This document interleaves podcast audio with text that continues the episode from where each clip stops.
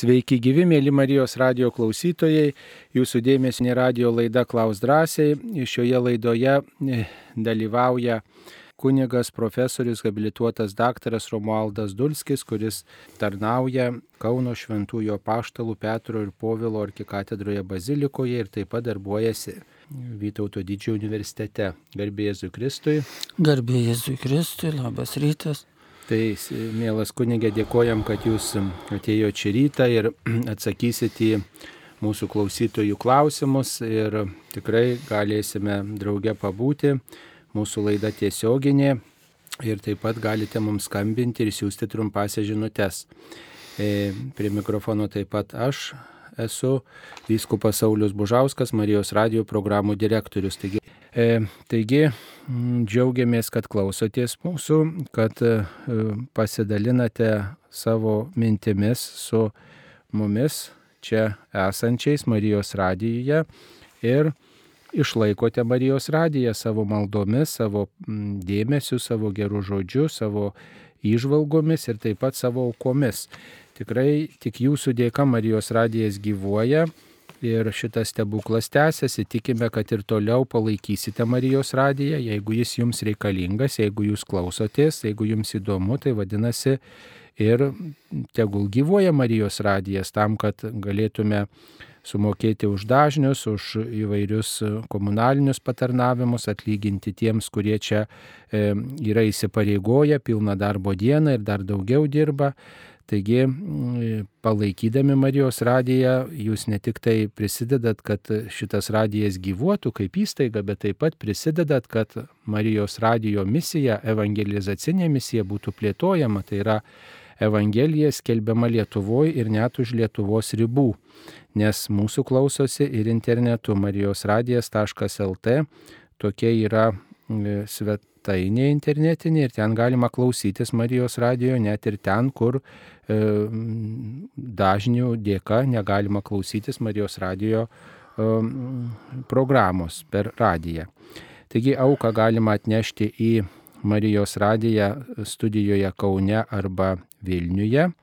Taip pat galima pervesti internetu E, naudojantis internetinės bankininkystės paslaugomis ir taip pat galima skambinti trumpaisiais numeriais 1622 ir 1623. Skambindami trumpuoju numeriu 1622 paukojate 5 eurus, o skambindami 1623 paukojate 10 eurų. Tai atsiprašom, kad dažnai galbūt primenam apie šitą poreikį prisidėti prie Marijos radio veiklos gyvavimo, bet kitos išeities neturime, nes visame pasaulyje Marijos radio um, stotys išlaikomos vien tik tai iš aukotojų. Neprašoma jokių institucijų pagalbos, jeigu kažkas nori, paremia, bet ten kažkokiuose projektuose nedalyvauja Marijos radijas, jokia komercinė veikla neužsijima. Tiesiog, jeigu reikia, žmonės ir išlaiko, jeigu neišlaiko, vadinasi, e, tas radijas nereikalingas tame krašte. Tai, to, tai būtų ženklas ir tada Marijos radijas sustabdytų savo veiklą, bet dėkojam, kad jau 18 metų e, gyvuojame ir jūs palaikote šitą misiją. Taigi žiūrime, kokių žinučių mums atsiuntėte. Štai viena žinutė tokia. Ar savo vaiko krikšto rubelius galima duoti ar skolinti kitiems, kurie to prašo? Ar esat kunigė susidūrę savo praktikoje su tokia mm, idėja skolinti krikšto rubelius kitiems žmonėms? Nu, taip susiduriu su tokiais, čia gal žmogui rūpi toks klausimas, bet, bet kažkaip tai, kur ta, kaip sakant, hierarchija tikėjimo tiesų, kas svarbiausia iki rūbelių, žvakelių, kur padėt, kur nepadėt. Tai, tai, nu, tai darykim, man atrodo, kiek daug svarbesnių dalykų yra. Ir čia tai, o kodėl galima, kodėl negalima, tai galima ir žmogui šiek tiek, pa, kaip sakant, pagalvoti ir padaryti. vienai par kitaip. E, šiaip tai teko sutikti tokių šeimų, kuriuose karta iš kartos tie krikšto rubeliai yra perduodami ir tikrai atrodo jau tokie, sakytum, nešio laikiški tie rubeliai ir jie tokie atrodo nieko, nieko verti gal taip kaip daiktas, bet sako, čia yra mūsų šeimos relikvija. Ir sako, na va, jie buvo naudojami, kai buvo krikštyjami mūsų seneliai, mūsų tėvai ir sako, va išsaugoti per visokius neramumus, karus ir sako, taip džiugu, kad va, galim džiaugtis, galim džiaugtis e, ir tu, tais rubeliais apgaupti ir kitus mūsų šeimos narius. Tai čia e, tokia giminystė išeina tarsi su tai žmonėm, kurie, kurie yra mūsų, mums artimi, mums brangus, o skolinti tai turbūt gal nevertėtų, nes kaip ir krikšto žvakė yra toks dalykas, kuris yra žmogui teikiamas, taip ir tas krikšto rūbas neskolinamas, jeigu taip karta iš kartos pereinama, tai truputį kažkas kita. Škai tikėjimas perdodamas mano šeimos narių, gal va toks aspektas, sakyčiau, čia būtų svarbus. Taigi, dabar dar vienas klausimas apie skatologiją atėjo. Štai apie dangaus kiekvienam individualumą ir visuotinumą. E, ar, nežinau, čia ne, plačiau ne, ne, neišskleistas klausimas, nepagilintas, tai turbūt ar dangus kiekvienam individualiai skiriamas, ar visiems, turbūt tai norima pasakyti. Na taip, es, esminių dalykų linkui kad vis galėtume eiti, norėtųsi ieškoti, kas, kas esminiai. Apie eschatologiją, nu mes, kaip sakant, jeigu kalbėti apie žinojimą, tai mes ir Pauliaus laiškė yra tas, kad mes ne, nežinome. Tai tas irgi gal nepamesti iš akių to nežinojimo, kuris, kuris kažkaip leidžia gal išsi, nu, neįstrikti į tokias į, į tokias, nu, su, supaprastintus apibrėžimus apie eschatologiją, nes jie į tą, ką, ką sakome, kas, kas yra anapusybėje, tai, tai išreiškiama tam tikra turbūt esminė atsakomybė, kad žiūrėk, ten yra taip, tai todėl šiandien gyvenk va taip. Ir toks per didelis susikoncentravimas į ten, kaip ten kas bus, noras žinoti, kaip ten kas bus, tai nu, mums neduotas, o mums duota, kad e, galvodami apie tą, žinai, tą Dievo teismą, kuris ateina iš prieš krikščioniškųjų dar laikų iš, ir iš prieš judaizmo turbūt laikų, ateina, kad Dievo teismas yra. Ir tai reiškia, tai kalba šiandien žmogui. Tu kažkokią maldą, kokius tai vienuoliai seserys sako, šiandien, kas, kasdieną jos kalba, šiandien duok man Dievę tai pasijusti lyg Dievo teisme, nes tai yra tikroji, tikroji tikrovė. O šiaip jeigu mes užmirštame Dievo teismą, tai mes tokiai iliuzijoje gyvename. Ir Ir tai reiškia, mus, mus blaivina, mus skatina permastyti savo gyvenimą ir, mus, ir prieš ką mes esam galų gale atsakingi, prieš kokius viršininkus ar prieš ką. Ir tada mes atsimenam, kad mes prieš Dievą duosime ataskaitą ir ji bus tokia, nu, galutinė, ne, nu, reiškia, visos kitos mūsų ataskaitos, ar mus kas bus barę, ar mus bus medalius apdovanoja pridalinę visokių mums papeikimų ar pagyrimų, visa tai, visa tai yra niekas. Iš tikrųjų jau šiandien tai yra niekas. O, o atsidūrus gyvenimo pabaigoje, kartai žmonės dar nenumirę ima tą jausti dar šiame gyvenime, kai taip viskas jau atrodo nebeaktualu. Bet kiti iki mirties įsikibę į tas iliuzijas. Bet ta, tas mokymas apie tai, kad Dievas tave teis, kad, e, reiškia, bus, bus paklausta, kas, kas tiesa, kas melas, kas gėris, kas blogis tavo gyvenime. Ir tai, ir tai viskas nukreipta į šiandieną, kad tu šiandien, šiandien pabusk, šiandien pabusk tokiam atsakingam ir, ir, ir kilniam, nuostabiam kokiam tai gyvenimui. Taip, tai e, kalbant apie tą e, dangaus visuotinumą arba individualumą, turbūt reikia pasakyti, kad Mm, tai e, kaip ir šventam rašte e, paminėta tokia mintis, kad nei akis e, neregėjo, nei ausis negirdėjo, kad Dievas paruošė tiems, kurie jį myli. Ir mm, kai žmonės nori tikrai savo protu apriepti, tai turbūt tai bus daug, daug plačiau, daug giliau, daug išsameu, negu kad mes galim apie tai kalbėti, parašyti E, kažkaip ar, ar, ar paskaityti, ar suprasti. Tai, žodžiu, Dievas tikrai yra tiek kūrybingas, kad mus nustebins. O šiaip tai tas susitikimas su Dievu aišku, kad bus asmeniškas. Ta e, mes ir iš švento rašto žinome ir tas santykis mūsų bus truputį kitoks negu kad yra dabar.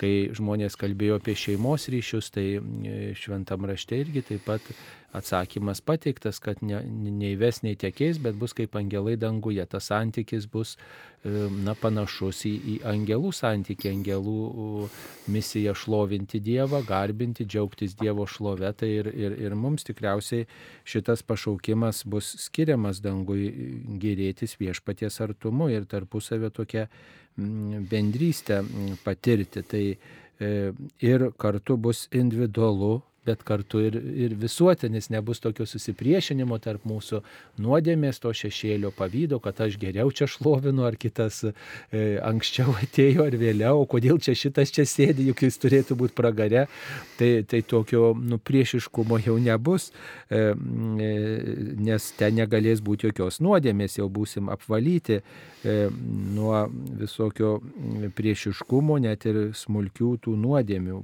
per skaistyklos tokį e, išbandymą, per skaistiklos ištyrinimą, gal taip reikia geriau tiksliau pasakyti. Taip, mums paskambino. Klausytoja Aldona iš Vilniaus. Taip, Aldona, klauskite, jūs eteryje. Labadiena. Labadiena. Aš nežinau, ar man turėtų gal sakyti Marijos radio direktorius, dėl to, kad jiegi programą sudaro. Aš noriu paklausti kunigo Monsinjoro Svarinsko, kodėl jis šitiek yra padaręs Lietuvai ir bažnyčiai ir niekada net buvo gimimo diena, niekas jo nepaminėjo. Kaip tai suprasti? Kunigas Vasiliauskas yra didvyris, e, tas kardinolas taip pat didvyriai, o jisai tiek metų iškalėjęs, tiek, tiek kryžių pristatęs laukuose, aš nežinau, ne vienas kitas, nei, nei kardinolas, nei, nei Vasiliauskas nėra statęs tų kryžių. Taip, ačiū. Niekas jo neminė. Supratom, supratom jūsų klausimą. E, tai, žinot, nėra tokio papročio turbūt minėti mirusių žmonių e, gimtadienius. Mes prisimenam tokias turbūt iškilesnės progas, tas sukaktis, kurios yra minimos, kai, kai tikrai žmonės susirenka tų minėjimų dienomis ir pagerbė tuos iškeliavusius. Ir šiaip apie Svarinską tai tikrai mm, būna monsinjoro Alfonsas Varinska būna mm, tokių minčių ir, ir, ir idėjų, kai, kai tikrai minima vasara ten, kuris palaidotas partizanų mm, toks, kaip sakoma, žūties tos metinės ir, ir pagerbiami tie partizanai. Ir, Ten kaip tik tai monsinjoro Alfonso Svarinsko rūpeščių tie partizanų atminimas įamžintas ir tie kryžiai pastatyti, kaip sakote, tai, tai ir, ir paminim apie tuos renginius ir, ir panašiai. Aišku, tam, kad mm, galėtume prisiminti jo gimimo dieną. Paprastai bažnyčia mirusių žmonių gimimo dienų nemini, nebent yra kažkoks išskirtinis atvejis, jubiliejus kažkoks ar dar kažkas. Tai, o šiaip minimos dažniausiai mirties dienos ir tai yra kaip gimimas dangui. Tokia tradicija nuo senų laikų yra bažnyčioje. O šiaip apie mm, monsinjorą Kazimierą Vasiliauską tai tikrai buvo laidų ir turbūt neįdėmiai klausotės Marijos radijo, buvo bent kelios laidos paruoštos ir kunigai, ir pasauliečiai dalyjosi prisiminimais Lietuvo šviesuolių rubrikoje. Apie e, kardinolą Vincentą Slatkevičių taip pat turėjom keletą laidų ir, ir ir, ir, ir buvo tų laidų, o, o, o kada žmogus gimęs, tai tokio papročio tikrai neturime ir žinot, labai sunku būtų suderinti, čia yra kita aktualija kokia ar dar kažkoks kitas dalykas, o čia suderinti ir kad kažkieno ir gimtadienis, tai na, gana kebli užduotis yra, tikrai mes neturim tiek resursų, kad galėtume ir gimtadienius paminėti, ir aktualijas kokios yra, ir, ir, ir šiaip kažką suplanavę įdėti, tai visų interesų suderinti tikrai gana keblu ir, ir dėl žmogiško ribotumo to padaryti negalime, bet siks nuo sykio paminim tuos šviesius dvasininkus, šviesius žmonės, kurie savo būdu įdėjo žymę į bažnyčios gyvenimą ir tikrai nebūtinai galbūt kryžių statyti, buvo ir kitų darbų, kuriuos darė kunigai, vieni statė atstatė sugriautą žmonių širdis, kiti mokė, kiti buvo vedliais, kiti patarė, lydėjo, kiti ėjo į mūšį atviru, taip sakant, veidų, kiti tyliai kažką veikė.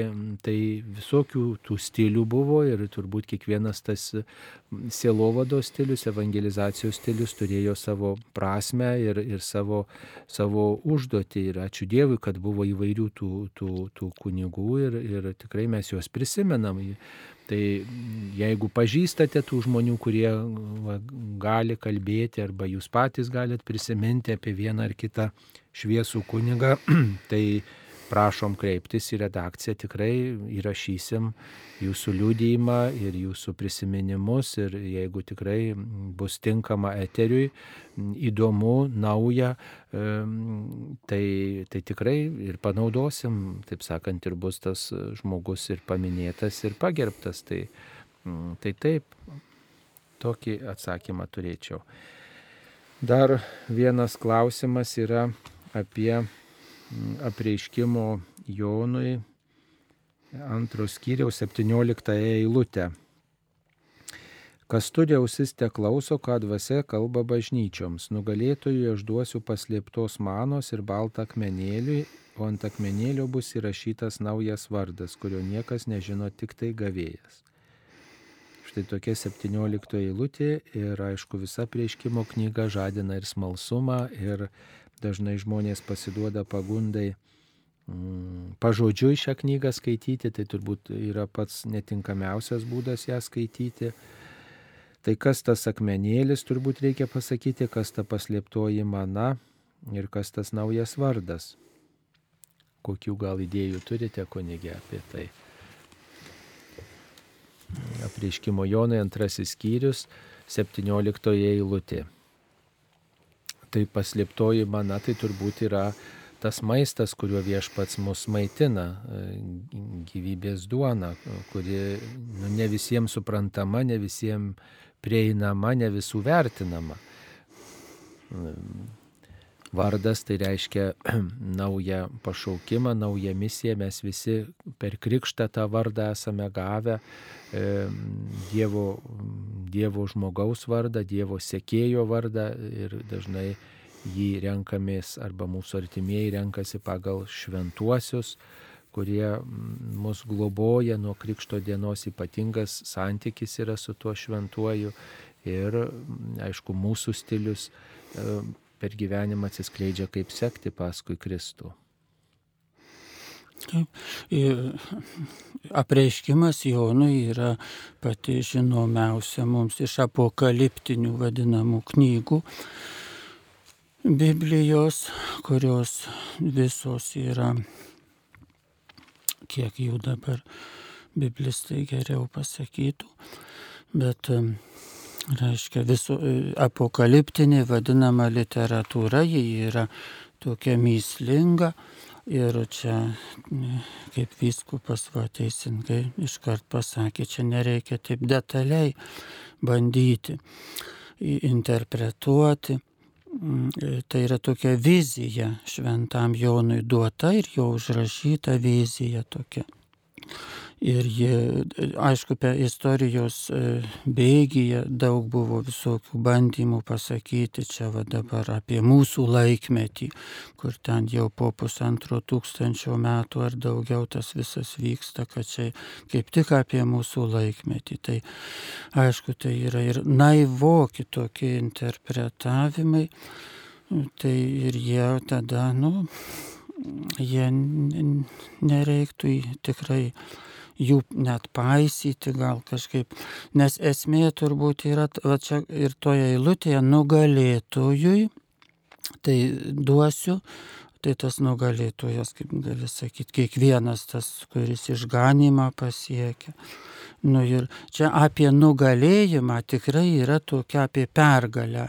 Yra tema apreiškimo Jonui, kad visa istorija krypsta į tą Dievo pergalę, avinėlio pergalę. O avinėlis, jis gyveno labai tokį, sakytum, reiškia, nepergalingą žmogiškai gyvenimą, jis tokį kančios e, pasiaukojimo e, Jėzus ir mirties galų gale, tarsi fiasko, tarsi visiškas.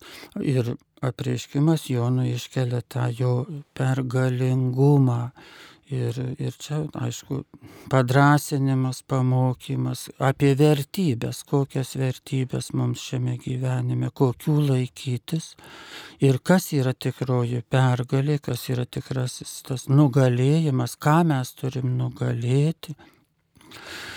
Ir, ir kita tema yra naujumas apreiškimų Jonui. Tema, kad vis, aš visą darau naują, sako Dievas, ten jau ir tam toje naujoji Jeruzalė bus vis, nauja, ten viskas nauja.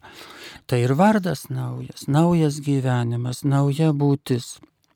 Ir kartais mes gal taip pergyvename dėl šio gyvenimo įvairių, sakykime, nuoskaudų ar kažkokių tai, nu, ne, nemailės e, iš tų žmonių, iš kurių tikimės, iš artimųjų, šeimos narių, jie mus gal nuvilia. Ir žmogus taip labai teisėtai sutrikęs gali jaustis bet e, ta, ta žinia, ta, ta Jono tas regėjimas, kad viskas bus nauja. Tu gali, reiškia, tu gali mylėti šiame gyvenime, jau tu gali tą, e, tą gėrį gėrį, kuris viską, sakytume, nu, nežiūrėk į kitų žmonių blogybės, niekšybės, kvailybės, gudrybės visokias, bet gyvenk tuo pilnutiniu visaverčiu gyvenimu, kurį, kurį avinėlis parodė.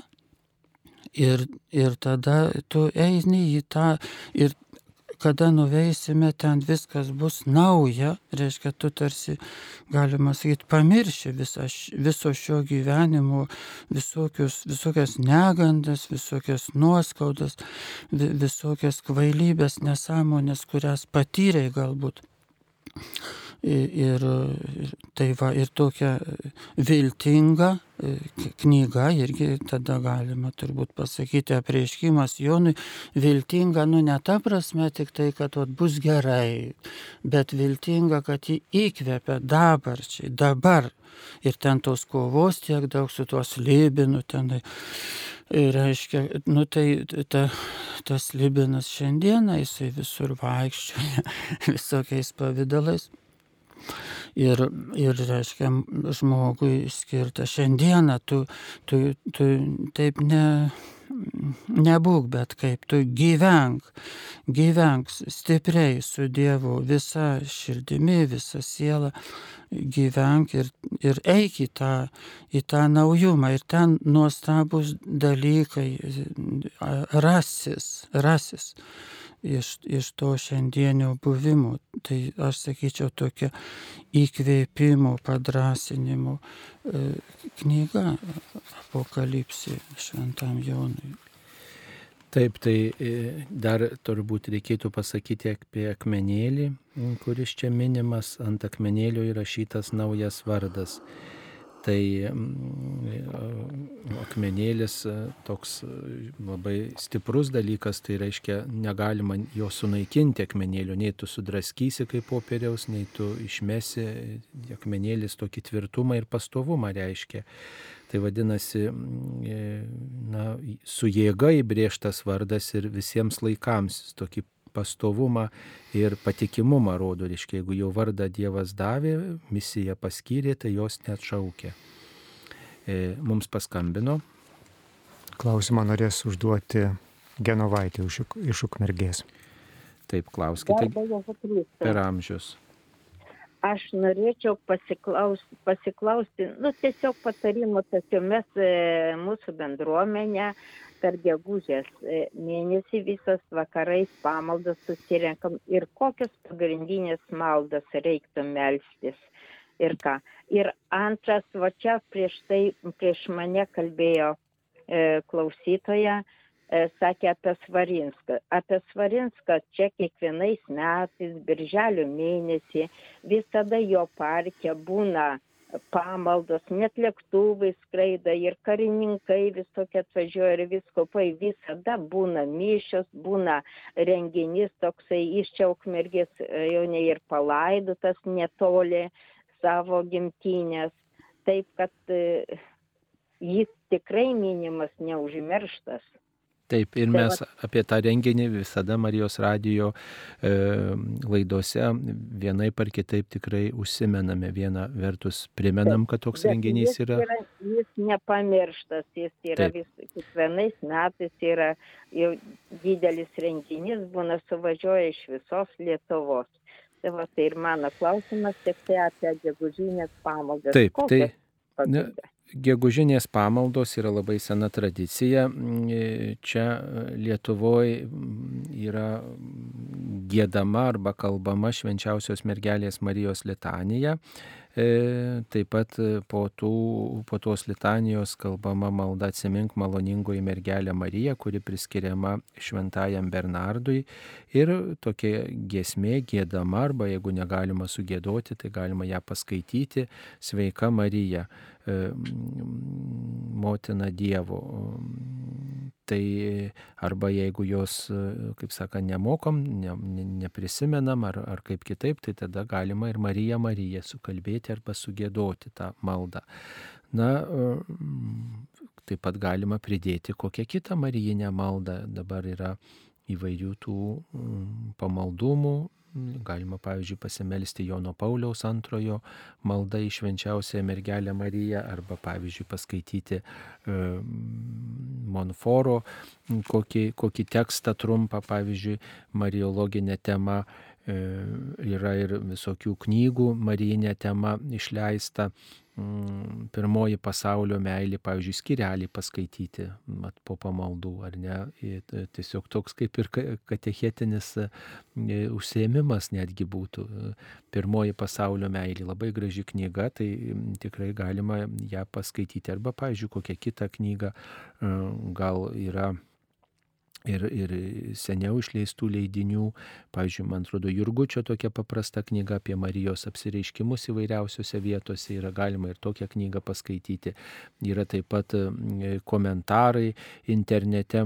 E, man atrodo, kunigas Mindaugas Malinauskas yra parengęs Marijos, Marijos litanijos kreipinių komentarus. Vat, pavyzdžiui, paskaityti trumpai komentarą ir, ir kelis komentarus galima tos litanijos paskaityti ir tada jau toks ir pažinimas malonumas truputį didesnis ir mūsų maldingumą pamaitina. Tai tikrai gražu, kad jūs renkatės ir pagerbėt mergelę Mariją. Tai tik tai priminčiau, kad litanija yra praturtinta keliais naujais kreipiniais. Jeigu jūsų maldinėliai senesni yra, tai prisiminkite, kad dabar yra popiežius leidęs įtraukti tris naujus kreipinius, apie kuriuos kalbėjo motina vilties, motina gailestingumo motina ir taip pat keliaujančiųjų globė priebėga. Tai trys nauji kreipiniai, juos reikėtų paminėti jau laikantį šio laikinio pamaldumo. Ir tie kreipiniai senesnėse maldaknygėse nėra įtraukti, tai tiesiog galima į įklijuoti kokį lapelį ar, ar, ar užrašyti smulkių šriftų, kad nepamirštume, o melstume su taip, kaip meldžiasi dabar visuotiniai bažnyčiai. Dar yra, mhm, atsiminiau, kad tokia knyga ir toks judėjimas pasiaukoti Marijai per 30 dienų. Ir tai irgi čia naujas e, dalykas iš Marijonų vienuolio, čia parašyta amerikiečių Marijonų. Ir, ir ta praktika labai šiandieniška ir, tokia, ir galėtų būti plačiai naudojama. Ir turbūt gerai visada, kai mes tas, kas buvo, sujungiam su tuo, ko nebuvo, kažką naujo įvedam į savo pamaldumą šiandieniškų. Tai ir dabar ta 30 dienų mėnesis Marijos, tai kaip tik e, galime sujungti su tokiu asmeniniu e, pasiauk, ar bendruomeniniu taip pat pasiaukojimu Marijai, paukojimu savęs, paukojimu savo šeimos artimųjų, paukojimu tų, kurie, kurie mums brangus, kurie, kurie rūpi, visų socialinių, sakykime, dalykų, kurie mums rūpi, paukojimu. Ir, ir toks va naujas, bet turbūt labai, labai vertingas e, aspektas nu, toks pasivedimo, nu, reiškia pasiaukojam, tai prašom, kad Marija mu vadovautų, vestų, įkvėptų per gyvenimą tokių ypatingų, ypatingų būdų, ne, nežiūrint to, kad galbūt esam jau sukalbėję pasiaukojimo maldą ir pasiaukoję jau ne kartą, bet čia turbūt tam tikras suintensyvinimas to pasiaukojimo turimas mintyje, kur, kuris per 30 dienų gali būti vykdomas, o po to atnaujinamas, sakykime, šeštadieniais kaip Marijos diena. Nu, bet čia tokia, kaip, nu, lais, laisva galimybė, bet įvertinga. Taip, dar vienas klausimas apie e, parūziją. Kas tai yra parūzija, ką tai reiškia ir turbūt kaip tam pasiruošti parūzijos e, įvykiui. Tai čia Kristaus ateimas. Man. Taip, Kristaus ateimas, Kristaus sugrįžimas, gal netgi pats žodis reiškia, graikiškas žodis Kristaus ateimą, ateimą laikų pabaigoje, reiškia viešpats sugrįž gyvųjų ir mirusiųjų teisti. Kaip adventas toks buvo tylus ateimas, e, viešpaties ateimas, ne visi atpažino Kristuje Dievą, Mesiją. Tai kai ateis laikų pabaigoje viešpats, jau abejonių neliks ir apie tai taip pat šventam rašte užsiminta.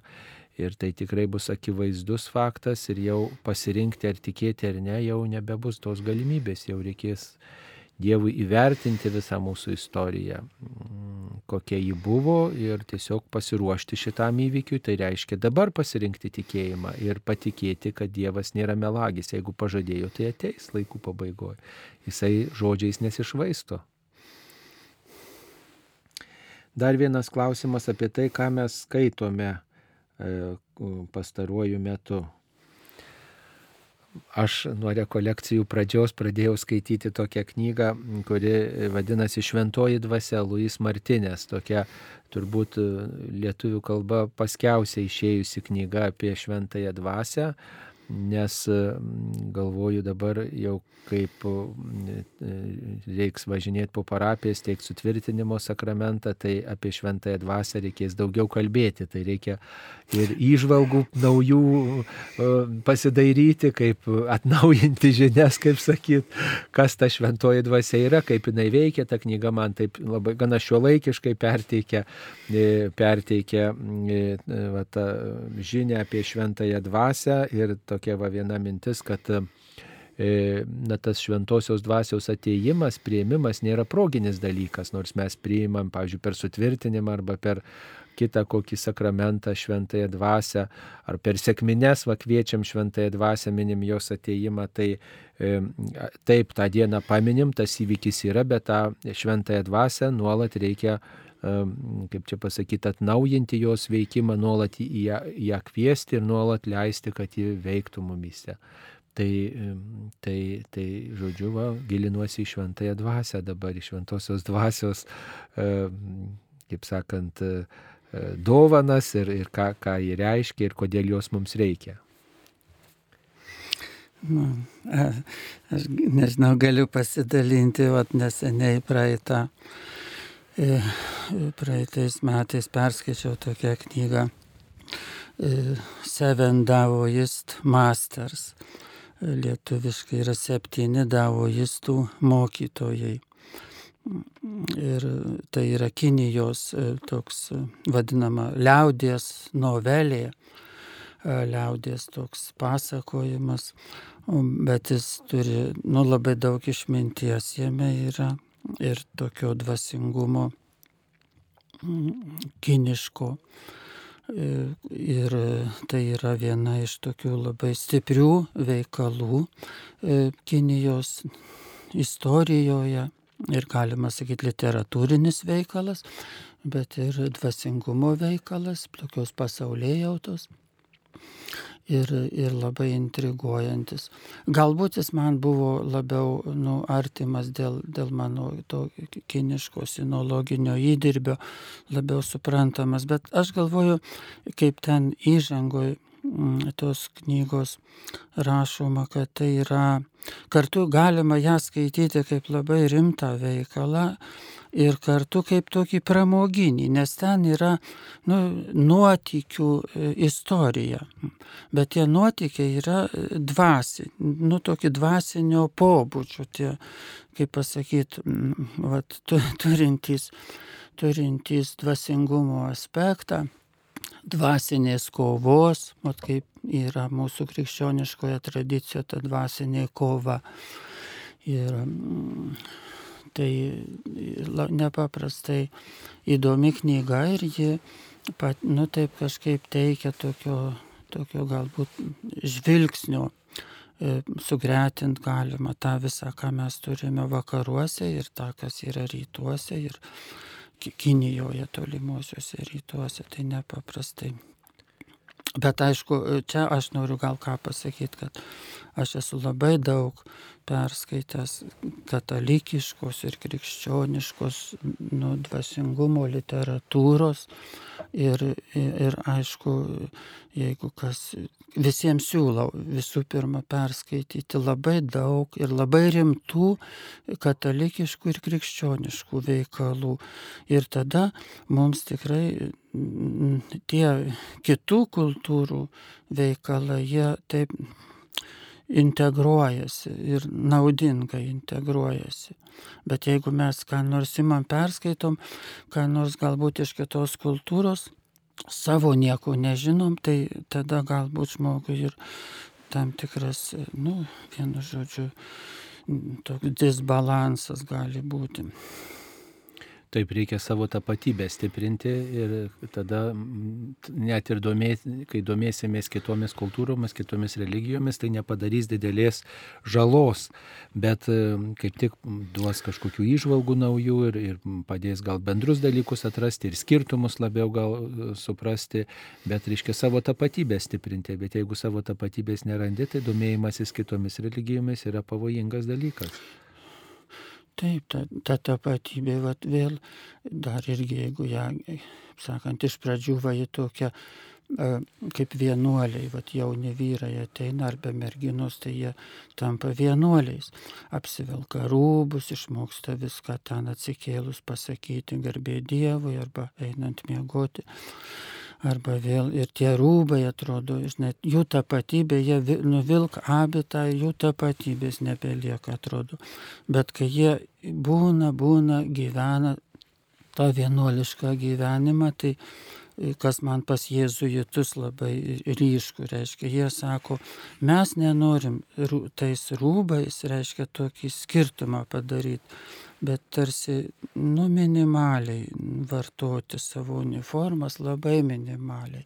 Tam, kad, kad nu, jie kaip net kaip visas ordinas jaučia tam tikrą, matyti, jau pra, pranokę, jie yra tą tokį, nu, tokį išorinį tą tapatybę labiau išoriškai suprantama. Nes, reiškia, ką aš noriu pasakyti, kad kiekvienas vienuolis, vienuolė, nu jau patys tobuliausi krikščionys tam tikrą prasme, tai vis tiek yra pašaukti būti, nu, šventi, kaip sakome, tegul tas jau ir toks pretenzingas pasakymas, bet, bet reiškia, vienuolio tikslas nebūti vienuoliu tobulu, bet būti šventuoju. Ir reiškia, tai pranoksta tą formalią tapatybę. Tai ir mūsų, mūsų krikščioniškumas yra toks kaip būdas tapti panašiu į Dievą. Mes tampame krikščionėmis, katalikais ar kuo norime, bet viskupais, kunigais ir viskupais tampame, bet, bet mūsų ta tapatybė tai jinai dieviška, jinai, visa tai turi padėti mums tarnauti kad mes tą dieviškumą savyje kurtume ir kurtume. O jis yra begalinis, tas, tas Dievas begalinis, dieviškumas begalinis ir mūsų nu, kelias į tapatybę tada irgi išeitų, kad yra toks begalinis, nu, reiškia, eik ir eik tuo keliu ir tai džiugu, kad gali. Vis iš naujo atrask ir pagilink ir, ir suprask niuansus taip, visokius. Tai, ja, taip. taip. E, Ar galima melstis už artimą žmogų jam nežinant? Galimas, galimas atvejs, kad jis nesutiktų, ar dėl to o, mane gali lydėti visokios nesėkmės. Tai galima melstis už artimą žmogų ir net būtina melstis mums vieniems už kitus, net jeigu jis nesutinka, jūs linkit gerą jam, jūs e, kviečiat viešpatį, jūs linkit jam Dievo artumo, Dievo meilės. Nes kas yra Dievas? Tai yra tobula meilė, tobulas gėris. Tai jeigu aš už kitą žmogų melžiuosi, reiškia, aš linkiu gėrio, ne taip. O, o, o jūs tai tikrai nelydės visokios nesėkmės, nebijokit mus. Ar taip ar taip tos nesėkmės lydi, ar mes melžiamės ar nesimeldžiam, lydi nesėkmės, bet mes tas nesėkmės kažkaip jungiam su viešpaties kryžium, jas įprasminam savo gyvenime, jos, ne, ne, ne, kaip sakant, nėra tik mums vienos, bet mes jas su Dievu pernešam, o nesėkmės visus žmonės lydi. Dėl įvairių priežasčių, dėl mūsų trapumo, dėl mūsų visų dužlumo, dėl kitų žmonių žmonių trapumo, dėl, dėl galbūt ir, ir tam tikros Dievo pedagogikos, čia ir viešpats per nesėkmės kažkaip mus, mūsų ugdo ir nuolankumą mūsų ugdo, tai nereikia labai bijoti, tik iš jų mokytis galbūt, žiūrėti, kaip galima jų išvengti. Bet negalvokit, kad pasimelsiu už kažkokį blogą žmogų, tai visas jo blogis ant manęs sukris. Tikrai taip nebus. Priešingai. Taip, aš kviečiu viešpatį ir, ir tiesiog ir Dievas yra e, mano talkininkas ir taip pat tam žmogui Dievo linkiu. E, žinoma, išvarinėti piktąjį, pavyzdžiui, iš kito žmogaus, sakykime, jeigu kitas žmogus piktojo apsėstas, čia jau yra kviesti piktąjį į akistatą, tai mes tam reikia turėti specialų įgaliojimą, bet melstis, tai už save priimti sakramentus, melstis už kitą galima, tai čia, žinot, gera linkėti kitam, tai nėra e, stojimas į akistatą, bet yra Dievo kvietimas, taip pasakytume. Taip. Ar yra žmonių, kuriems už patirtas neteisybės Dievas atlygino dar šiame gyvenime? tai e, Dievas pirmiausiai turbūt nori žmogaus atsivertimo. Ne? Ir ar atlygino, ar neatlygino, čia labai keblu pasakyti. Dievas atlygins pirmiausiai, kai nukeliausim ten į amžinybę. O čia Dievas, jisai leidžia įvairius dalykus patirti ir labai sunku pasakyti, ar čia jau atlyginimas yra Dievo, ar čia dar pamoka, ar dar kažkas kitas. Tikrai Dievas, jisai žiūri daug toliau. Mes tai norim. Kažkas kažką padarė blogai, jam kažkas atsitiko, tai Dievas jį atlygino, jam Dievas jau jį, jį nubaudė. Tai čia toks labai trumparegiškas būtų e, požiūris. Tai nereikėtų taip trumpai žiūrėti, nors labai, pavyzdžiui, norisi tą daryti. Vat pavyzdžiui, girdėjau tokių visokių liūdėjimų, sakykime, tie, kurie griovė kryžių kalną tie, kurie vertė kryžius. Tai ten žmonės pasakoja, kad vienas ten susirgo, kitas ten numirė, kitam ten kažkas atsitiko, kitas ten vėl kažkas įvyko. Sako, tai va Dievas kaip nubaudė už tai, kad jis griovė kryžių, kad jis niekino šventų ženklus. Nu, kaip sakant, pavojinga interpretacija yra. Viena vertus, prie šventenybės tikrai nereikia kelti rankos ir, ir, ir skriausti ir niekinti to, kas paskirta Dievui. Taip, tai yra tiesa, nes toks ženklas reiškia, kad aš sukylu prieš patį Dievą ir, ir niekinu tai, kas mini patį Dievą, bet sakyti, kad jeigu man kažkas atsitiko, kad Dievas tave nubaudė ar atlygino, tai čia yra nu, truputį pavojinga. Na, Dievas savo planą kažkokį turi ir, ir tikrai gal tai yra ženklas ir kitiems žmonėms, kad nekišk nagų prie, prie šventų dalykų. Galbūt yra ženklas, bet na, Dievas ir to žmogaus gyvenime planą kažkokį turi. Mes iki galo Dievo minčių neperprasim, aš taip sakyčiau. Svarbiausia, nu, mums teisingai gyventi. Čia tas atlygis, Petras sako viešpatė, štai mes palikom savo valtis, tinklus, sekėm tave ir kas mums bus už tai. Tai natūralu, kad mes tarsi klausim, o, žinai, atlygink man norėtume. Bet esminis gal ir net ir tas atlyginimas, tai kad mes suvokiame, kaip, nu, kaip tas pranciškus asižėtis. Sakė, duok Dievę, kad kad aš mylėčiau, kad aš tarnaučiau, kad aš švieščiau, o ne, nu, ne taip laukčiau iš kitų to, bet ir čia yra galbūt didžiausias mums laimėjimas ar atlyginimas, tas supratimas, ta sąmonė, kad, kad galime gerą daryti, ties, nu, kad ir patiriame kokius Aš supratau iš klausimo, taip man atrodė, kad gal čia kokių nelaimių žmogus yra ar nuoskaudų patyręs.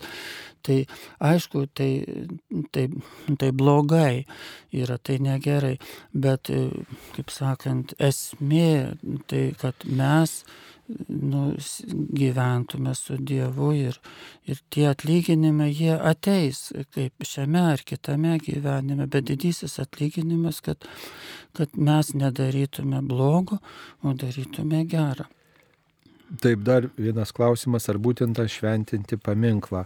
Taip, tikinčiam žmogui pas, ant tikinčio žmogaus kapo pastačius paminklą ir kai jo artimieji yra tikintys, tai yra m, tam tikras dėkingumo Dievui e, e, ženklas, va, kad dėkojam Dievui už tai, kad gyveno krikščionis ir su malda mes tą paminklą pašventiname. Tai ir pavedame Dievui tą žmogų ir kartu štai tą ženklą pavedame Dievui. Ir paprastai kuniga šventina paminklą su krikščioniškais ženklais, su krikščioniškais žodžiais, jeigu ant jų parašyta, tai tada turi prasme tas, tas gestas. Tai yra maldos forma tokia už mūsų mirusius. Jeigu Jėzus prisėmė mūsų negalės ir ligas, kodėl mes dar turime kentėti? Toks platus klausimas. Dėl to, kad tebe egzistuoja laisva valia, turbūt reikia pasakyti, ir mes galim pasirinkti. Ir pasirenkam ne visada gėri, bet pasirenkam nuodėmę, pasirenkam blogį ir, ir mes tarsi vėl sugrįžtam, bet Dievas, e, Dievas parodė būdą, kaip iš to išsivaduoti ne, ir tą kančią kaip įprasminti. Nu, gal čia nereikia iš to padaryti tokios, tokios kaip pasakyti, kabutėse dogmatikos, kaip kai, kai kur yra tokia tendencija, kai kuriuose krikščioniškose konfesijose ar, ar, ar judėjimuose kad Kristus jau, žinai, viską, viską jau atpirko ir dabar todėl mes turim būti sveiki ir, ir laimingi visokiojopai. Bet čia, kad reiškia, kad mes einame per gyvenimą ir mes, reiškia, tas, ta gėrio blogio dilema visuomet yra. Ir, ir Jėzus, reiškia, tą žmonių piktybę prisijėmė, tą jis, nu, jis galėjo, reiškia, neprisijimti to, tos kančios, tos neapykantos, ar ten pavydai, ar visokios ten aistros buvo, dėl ko jis, jis buvo atmestas, e, pas, pasmerktas, nukryžiuotas, nieko blogo nepadaręs, tai ta prasme jis prisijėmė tą visokias tas įdas, tų, tų savo pasmerkėjų. Ir, ir toks atpirkimo žestas, kuris, gestas, kuris ir, ir mūsų gyvenime, aiškiai, mes taip pat susidurėm, sakykime, kas nors galbūt eini kur nors visai savo, žinai, ir gali kas nors aprapliupti ant tavęs kaip nors, ar, ar kas su kažkokiu pykčiu, neapykant, ar, ar kokiam tai kontakte kur žmogus, tu gal nekaltas esi, bet gali tave apšaukti ar kaltinti, kaip nors, nu, nekaltai ne, ir tada gali atsakyti piktai ir gali atsakyti tiesiog romiai, tada tas romus atsakymas, romus priėmimas panašu, panaši nuostata į Jėzaus. Tai čia prisijimti arba ten artimųjų šeimos narių visokių, nekantrumai visokių. Tai neka, gali atsakyti nekantrumu į nekantrumą, pykčiu į pyktį, bet gali atsakyti nu kitaip gali atsakyti romiai. Ir, ir tai yra lyg atpirkimas, nes jeigu žmogus tau ką nors ne, supyksta ir tu nereaguoji atgal pykčiu, tai, tai ir tas pykstantis, nu, tarsi gauna tokią pagalbą, kad galvoja, kam gal, gal man ir nebereikia tiek daug pykti. Tai, tai ta, ta Jėzaus atpirkimo nuostata, turbūt verta ją apmastyti, kad mes, mes galėtume įgyvendinti, susidūrę su visokiais blogiais, to blogio ne, nedaryti, nedauginti ir tada ir tada įnešam tokį atpirkimo aspektą. Taip, dabar dar viena, vienas klausimas. Kalbant Dievo gailestingumo rožantėlį, reikėtų gal vainikėlį sakyti, ar būtina prieš vainikėlį sukalbėti tėvę mūsų, sveika Marija ir tikiu Dievą tėvą, ar galiu pradėti nuo amžinasis tėvę. Tai jeigu jūs norite tikslumo, tai reikėtų pradėti nuo tėvę mūsų sveika Marija ir tikiu Dievą tėvą maldų, nes būtent taip šis pamaldumas yra praktikuojamas. Ir tik tai tada po šitos įžangos įprastinių mūsų maldų, pradedama e, vainikėlio malda amžinasis tėvė, aukoju tau mieliausiojo tavo sunaus, mūsų viešpaties Jėzaus Kristaus kūną ir kraują sielą dievystę. Tai ir, ir taip kaip įprasta, nes tokia forma būtent Faustina praktikavo šitą maldą. Tai tokios saviveiklos gal nereikėtų daug čia įvedinėti. Va, aišku, privačiam pamaldume visai gali turbūt būti, bet reikėtų gal taip, taip kaip bendrai įprasta melstis ir e, tai praktikuoti. E, va, e, dar, e, dar čia panašus klausimas yra. Noriu paklausti, ar galima melžiantis rožančių vietoj po kiekvienos paslapties esamos tris maldos sakinius, be gimtosios nuodėmės pradėtoji Marija melski už mus ir taip toliau, tuos pridėtinius sakinukus. Ar galima sukalbėti ne po kiekvienos paslapties, o po visų keturių uh, dalių pabaigos? Nu, vėl uh, čia tie keturi, keli sakinukai, kurie pridedami, tai jie yra E, na, kai kuriuose kraštuose ne visada jie yra pridedami.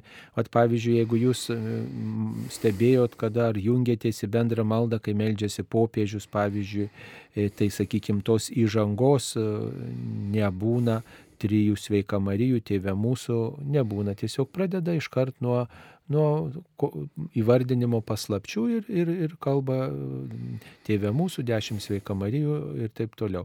Ir, ir ne visada yra pridedamos tos maldos. Tai čia, kaip sakoma, labai įvairiai, bet Lietuvoje įprasta pridėti po kiekvienos dalies, kai melžiamės drauge. Kai jūs melžiatės privačiai, tai čia yra jau jūsų reikalas.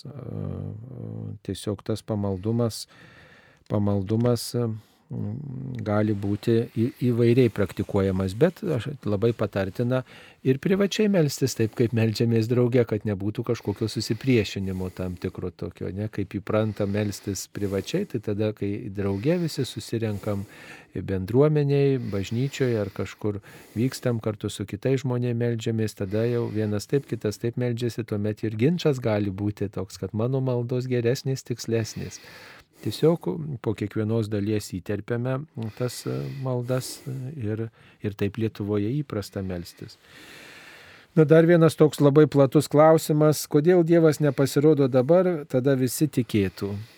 Turbūt atsakymas labai paprastas, nes gerbė žmogaus laisvą valią, jis daugybę kartų pasirodė ir tai nebuvo žmonėms pakankamas argumentas, arba žmonės pamiršo tą Dievo pasirodymą ir, ir vis tiek netiki. Tai blogis, abejonė visur įsispraudžia į žmogaus patirtį ir, na, ir nori jį tas blogis nuo Dievo atitraukti. Tai visada reikia prisiminti, kad Dievas pasirodo įvairiausiais pavydalais ir dabar.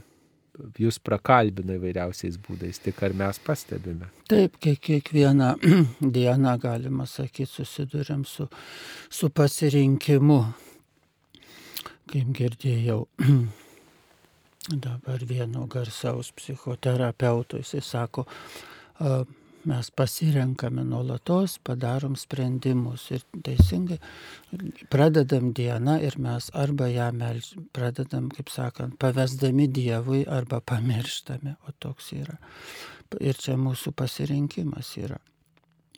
Ir, ir, vis, ir paskui galbūt kas nors draugas ar kas sako, žinai, o yra geras dalykas, arba aš einu į mišes ir mes, mes arba einam, arba neinam. Arba kitas sako, tai yra gera knyga, gal tu ją paskaityk. Ir mes arba ją skaitom, arba ne. Ir, ir, ir visokį, arba žiūrim, reiškia, krepšinį visą, kaip sakant, kažkiek tai ten laiko, arba mes užsijimam kokiu nors produktyvių dalykų, ką mes galim iš tikrųjų padaryti gero.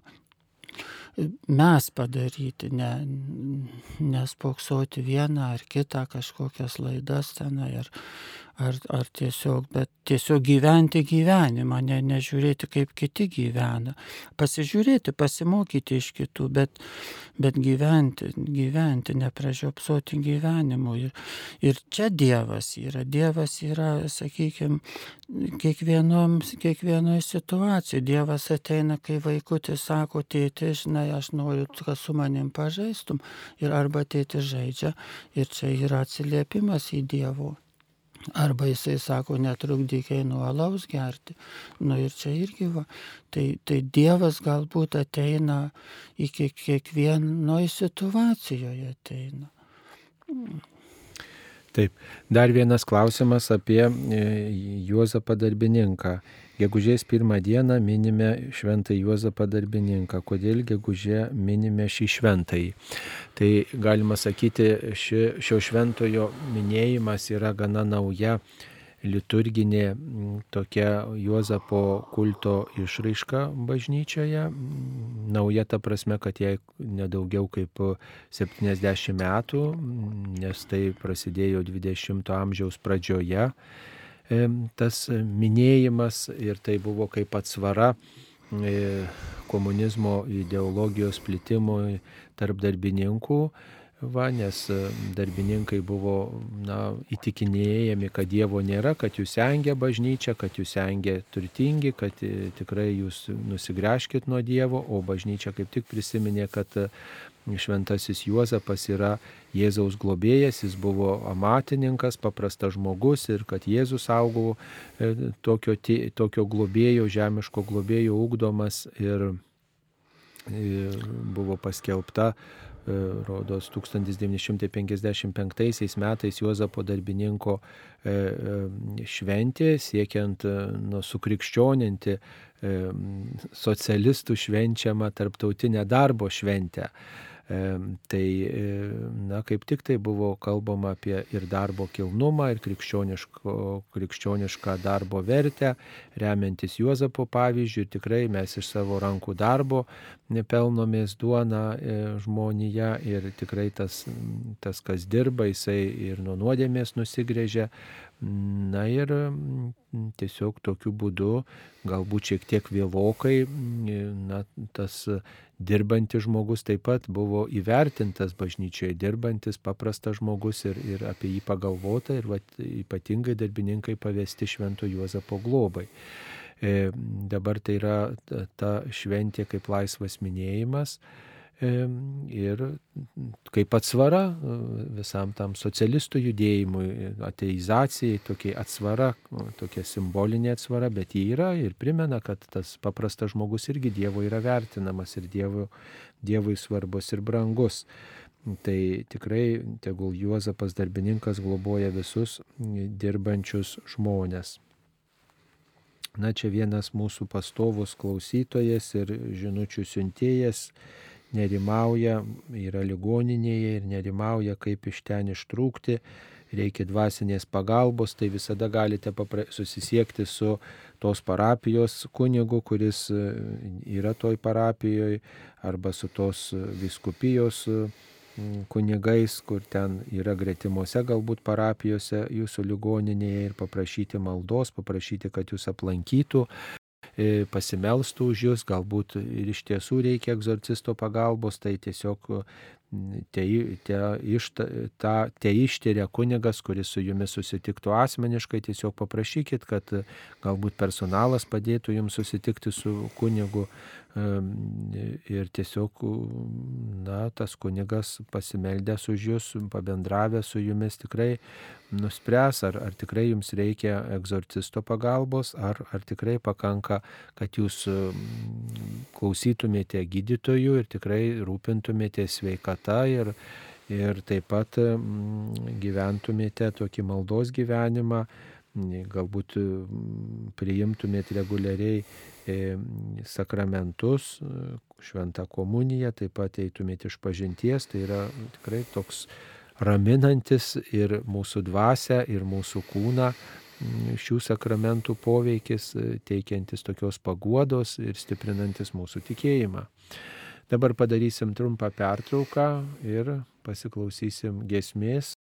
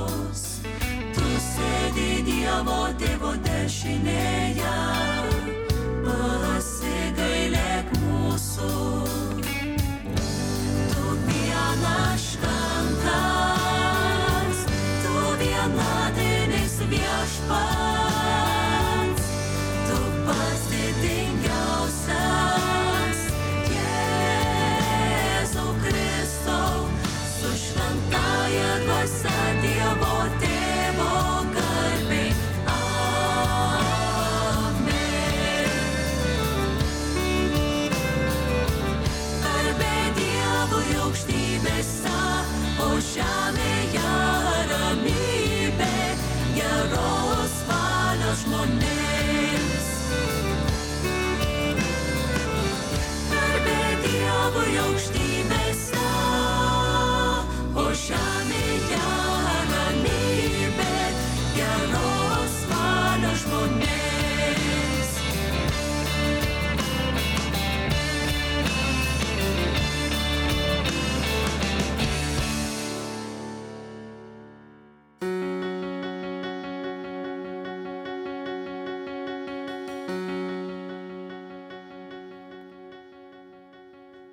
10 valandų ir 10 minučių jūs klausotės Marijos radio pertrauką tiesioginėje laidoje Klausk drąsiai. Netrukus ją tęsime iki 11 valandos. Vėliau Marijos radio eterija Euharistijos liepinys Skothan avinėlio puota.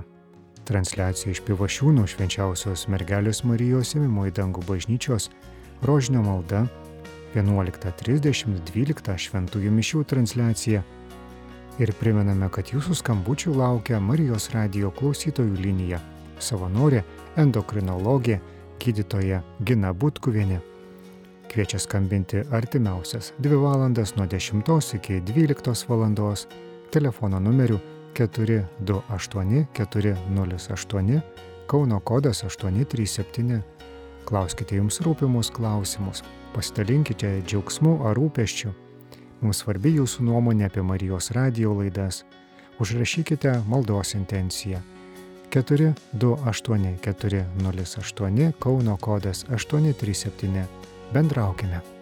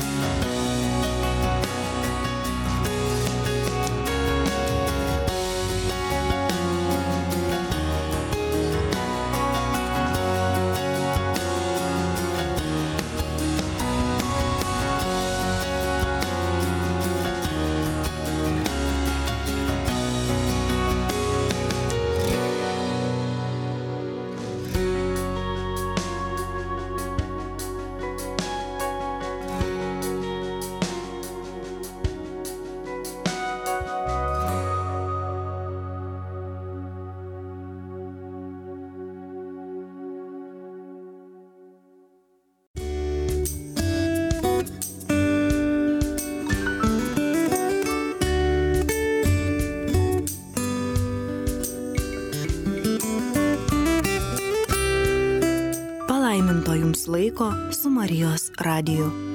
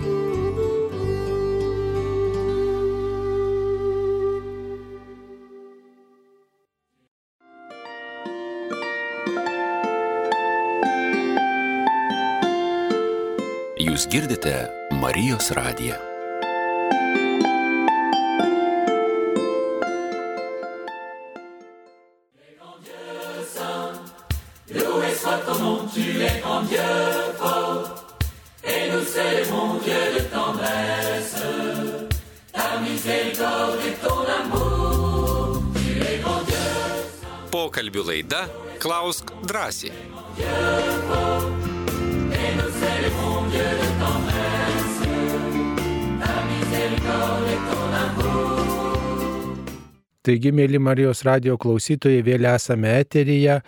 Prie mikrofono esu aš Vyskupas Saulis Bužauskas e, ir taip pat šioje laidoje dalyvauja kunigas e, Romualdas Dulskis.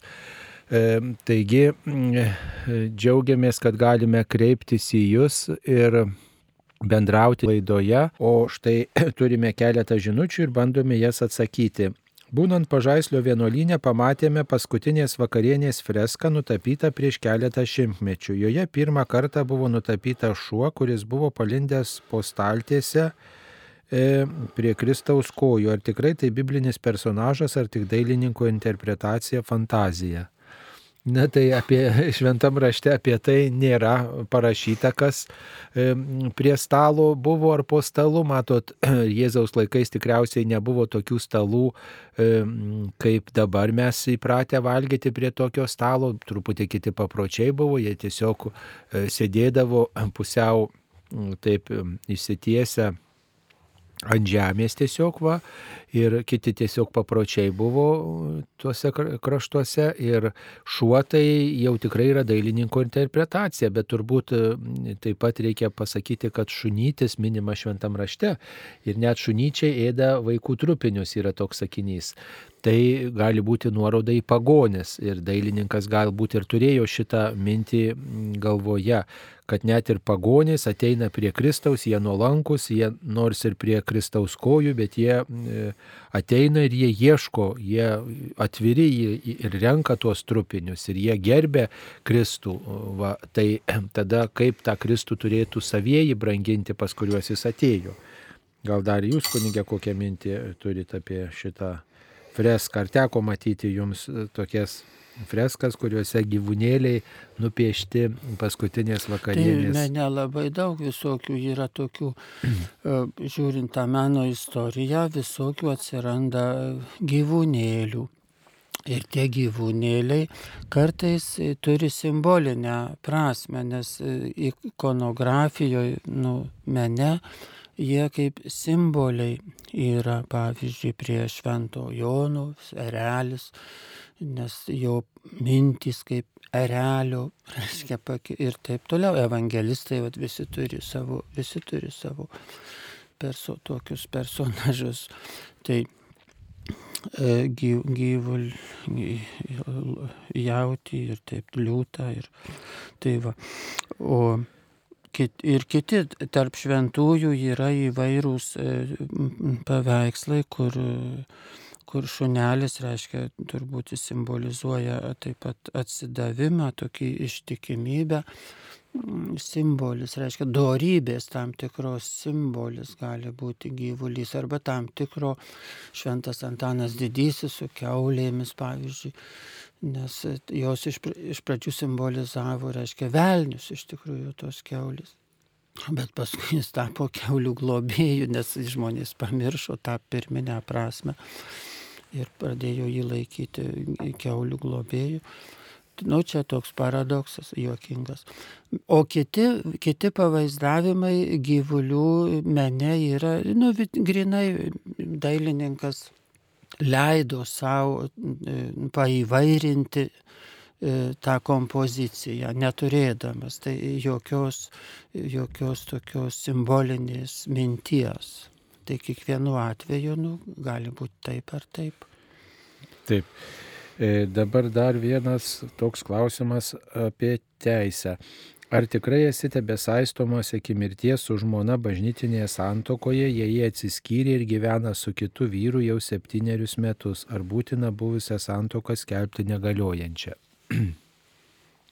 tai e, reikia pasakyti, kad net jeigu ir žmona ar vyras e, sudarė kitą santoką, civilinę santoką, o buvo bažnytinė santoka ankstesnė, tai tol, kol jos niekas nepaskelbė negaliojančią, tol ji galioja.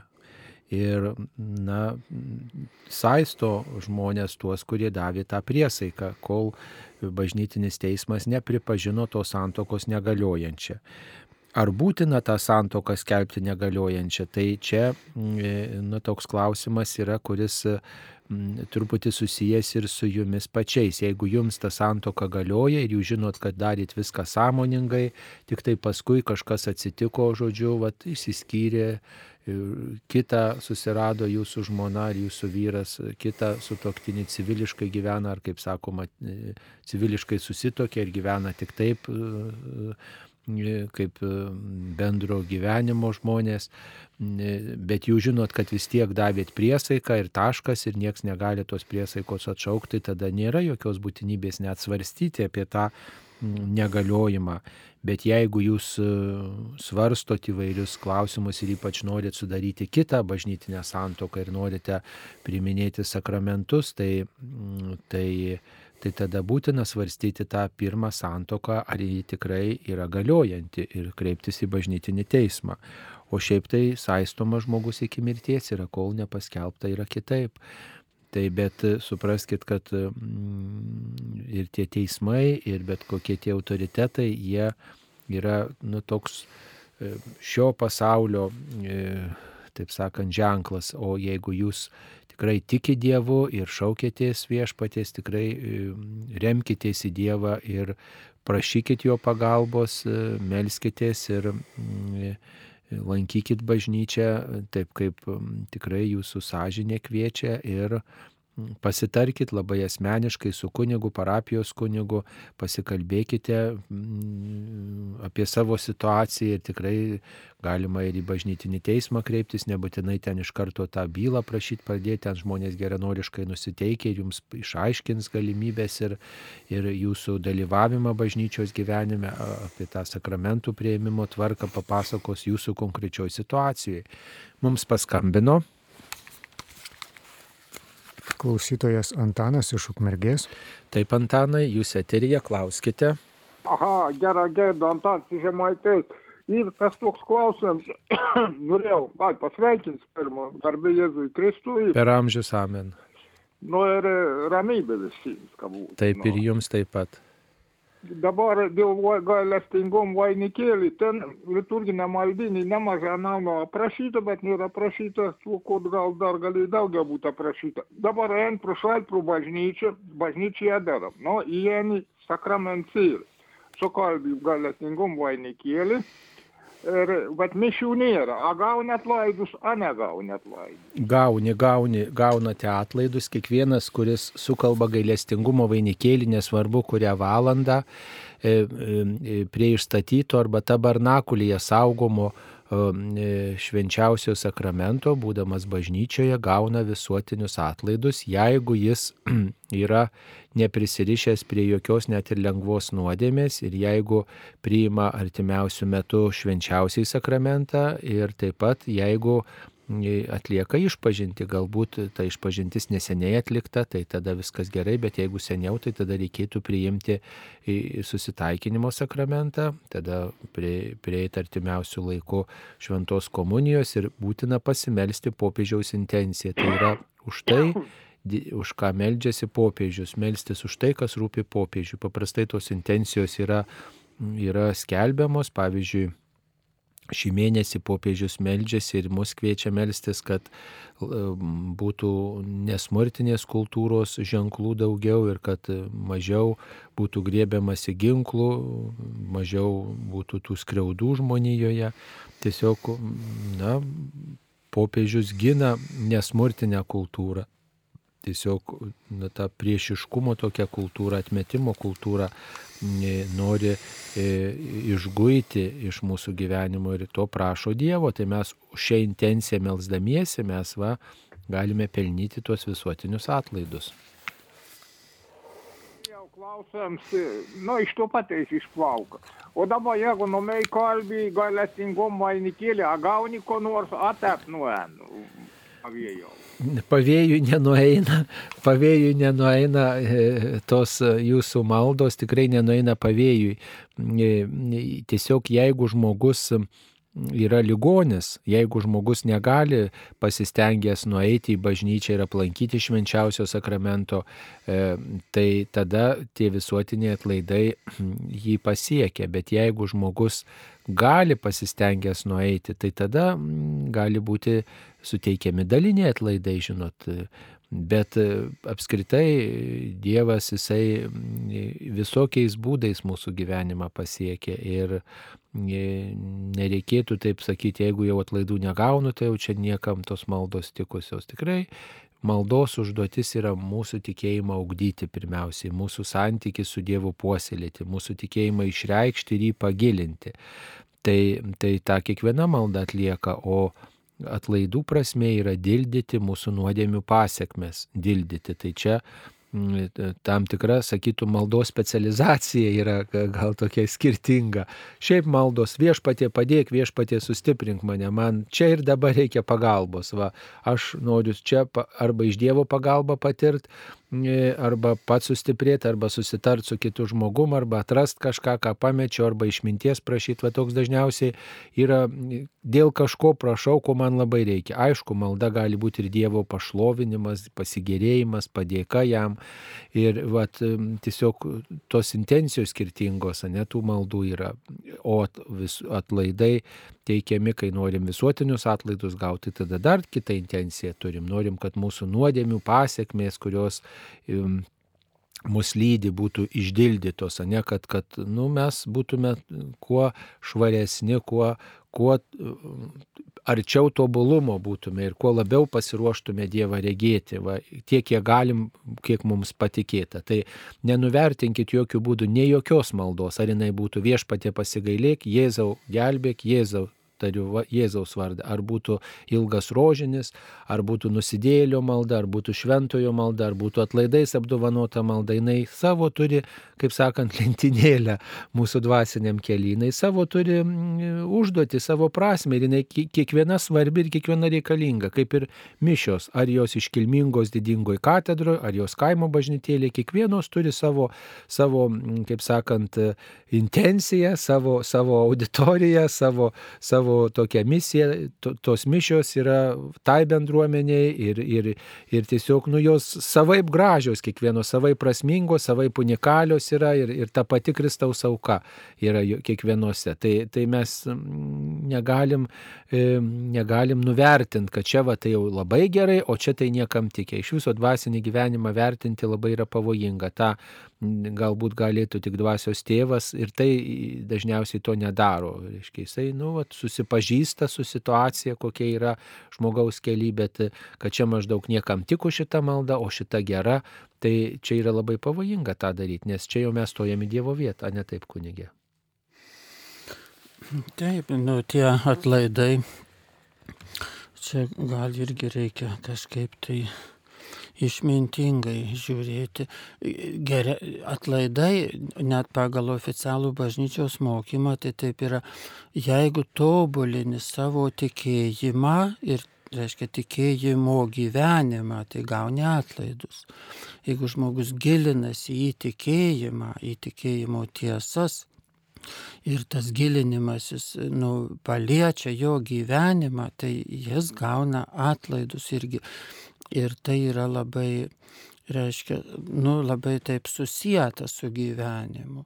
Ir už daugybę gerų darbų, galima sakyti, už, už turbūt beveik visus gerus darbus teikiami tie atlaidai kokie nors. Tai, tai tiesiog nereiktų gal suvesti vien tik, kad ten sumal, į, į tą, nu, į maldingumą, į tokias, kad sukalbėsiu maldas ir gausiu atlaidus arba atliksiu. Tai tas irgi, tas irgi gerai, nes galbūt tai patobulina žmogų, kad jis nuvažiuoja kur nors į kokius nors atlaidus, ten ką nors išgirsta, pamokymus kokius gal ir kažką toks praturtėja.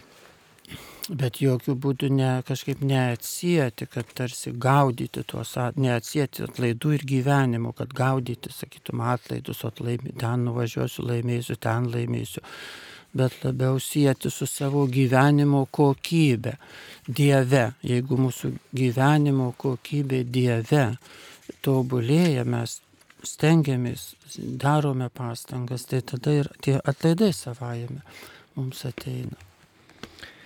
Taip, dar mums paskambino, kasgi mums paskambino. Iš Marijampolės biurutė. Tai biurutė, klauskite jūs eteryje. Garbėzui Kristui. Per amžius.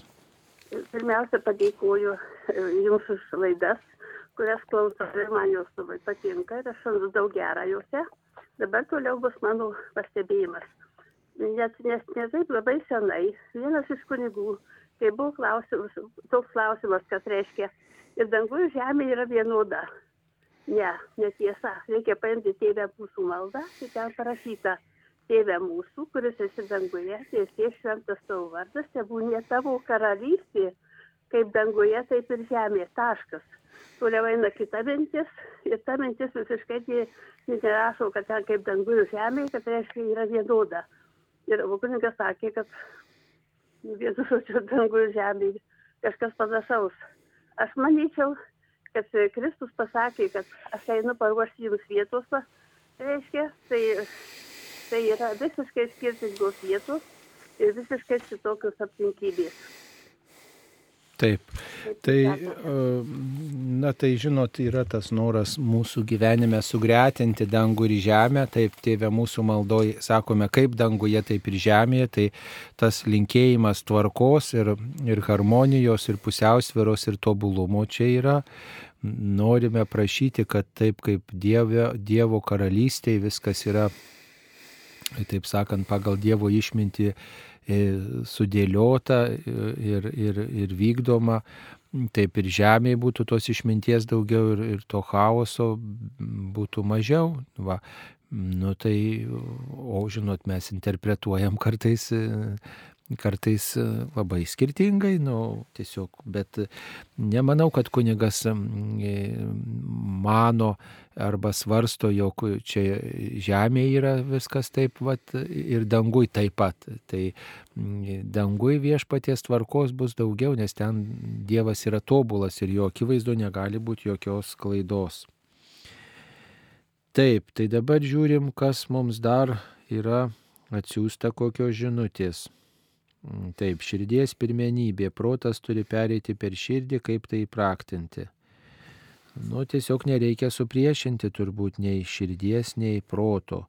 E, nei širdies, nei proto. Mes vyrai galbūt esam racionalų žmonės, viską bandom pasverti, pasiekmes numatyti, žmo, moteris galbūt daugiau e, per širdį, e, per, per, per širdį tiesiog vat, priima, ne per jausmus, per emocijas daugiau. Tai, e, bet mm, čia kartu turima galvoj protas ir širdis, tai ne tik svarstyti, bet ir labiau mylėti vidumi, savo vidumi, ne tik svarstyti, bet ir priimti. Nu, giliausiai savo troškimais. Širdis tai yra šventam rašte yra apsisprendimo vieta, bet kartu ir asmens toks centras, tapatybės tokia vieta susitikimo su Dievu, ne tik jausmų srity, bet apskritai giliausiose mūsų kloduose. Reiškia, mes kartais svarstom, galvojam giliais širdį, vat, kažkaip tai, vat, pašaukimas. Juk širdį giliai vat, iškyla ta mintis, tas, tas kvietimas, toks beldimas švelnus, kvietimas toksai ir, ir protas sako ne nu ne, arba čia nieko nebus, arba čia bandai galvoti, kad čia visai keistai kažkaip išeina, bet, bet širdyva yra tas, tas, tas kalbinimas toks. Čia reiktų gal atskirti, kad šiandienis toksai mūsų tas įprastas kalbėjimas protas ir širdis.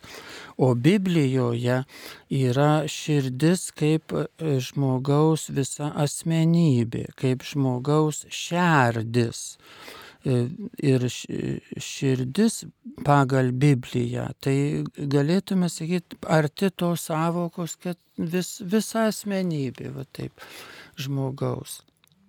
Tai dabar mes šią savo kultūroje, mes širdį kaip jausmų tokią buveinę, sentimentų ir panašių suvokiame. Ir iš viso yra, sakytume, makalinė tokia padaryta, kam, kas yra širdis, ką, kaip tu supranti širdį, kaip tu supranti, kaip tas, ką tas reiškia, kad Dievas per širdį. Tai vėl čia Čia kiekvienas, ką nors nuo, nuo savo, kaip sakant, pagal savo supratimą gali sakyti, bet e, turbūt e, reiškia e, yra, yra ta biblinė širdis vienas dalykas, yra tas e, racionalus svarstymas, kur irgi, galim sakyti, ta pati biblinė širdis, ta asmenybė racionaliai svarsto, pavyzdžiui, kaip pastatyti Marijos radijo pastatą. Nu ir reikėjo apsvarstyti, tai kokios sienos bus, kur langai,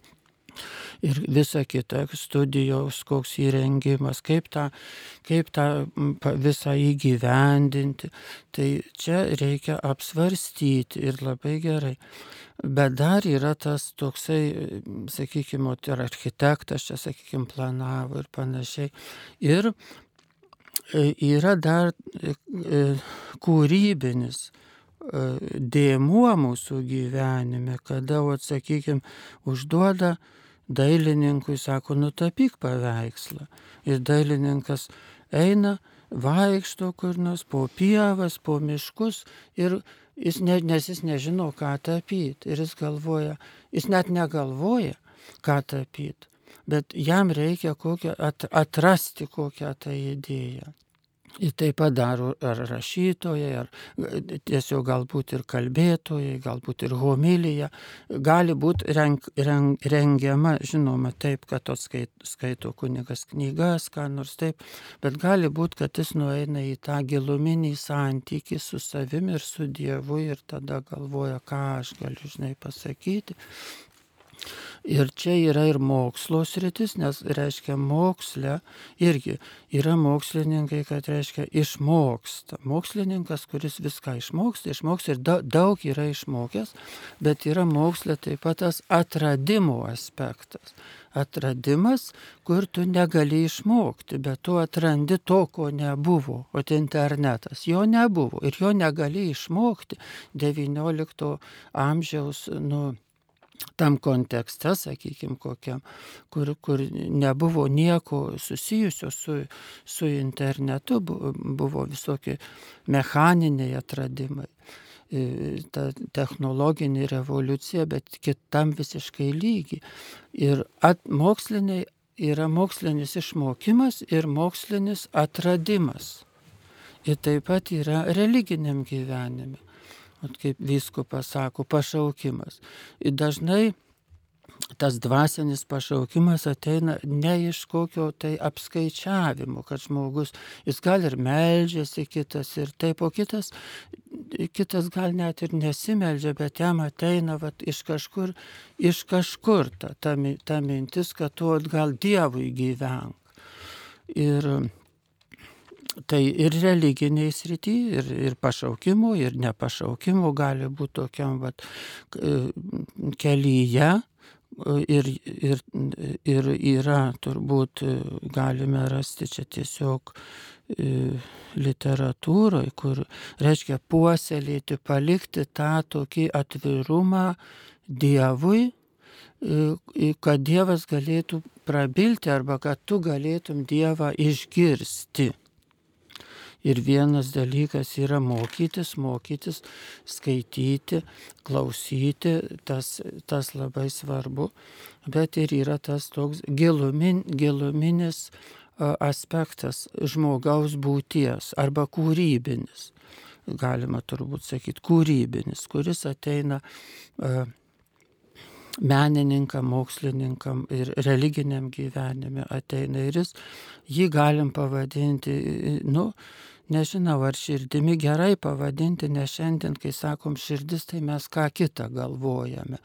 Bet čia iš, tokio, iš, tokios, iš tokios tuštumos, šventos tuštumos ta šventa tuštuma sunkiai pasiekiama, mes kuo nors ją užkišam. Bet yra nuo, nuo senovės Diadochas Fotikėtis apie tuštumą, yra krikščionių vyskupas pirmųjų amžių ir, ir kiti yra, ir, yra tas, tas supratimas. Tai, nu va, ir taip. Taip. Dar vienas klausimas mums, mums paskambino turbūt, taip? Taip, teklė iš Kauno. Taip, klauskite. Čia man? Taip, taip, jums jūs eterija, kalbėkite.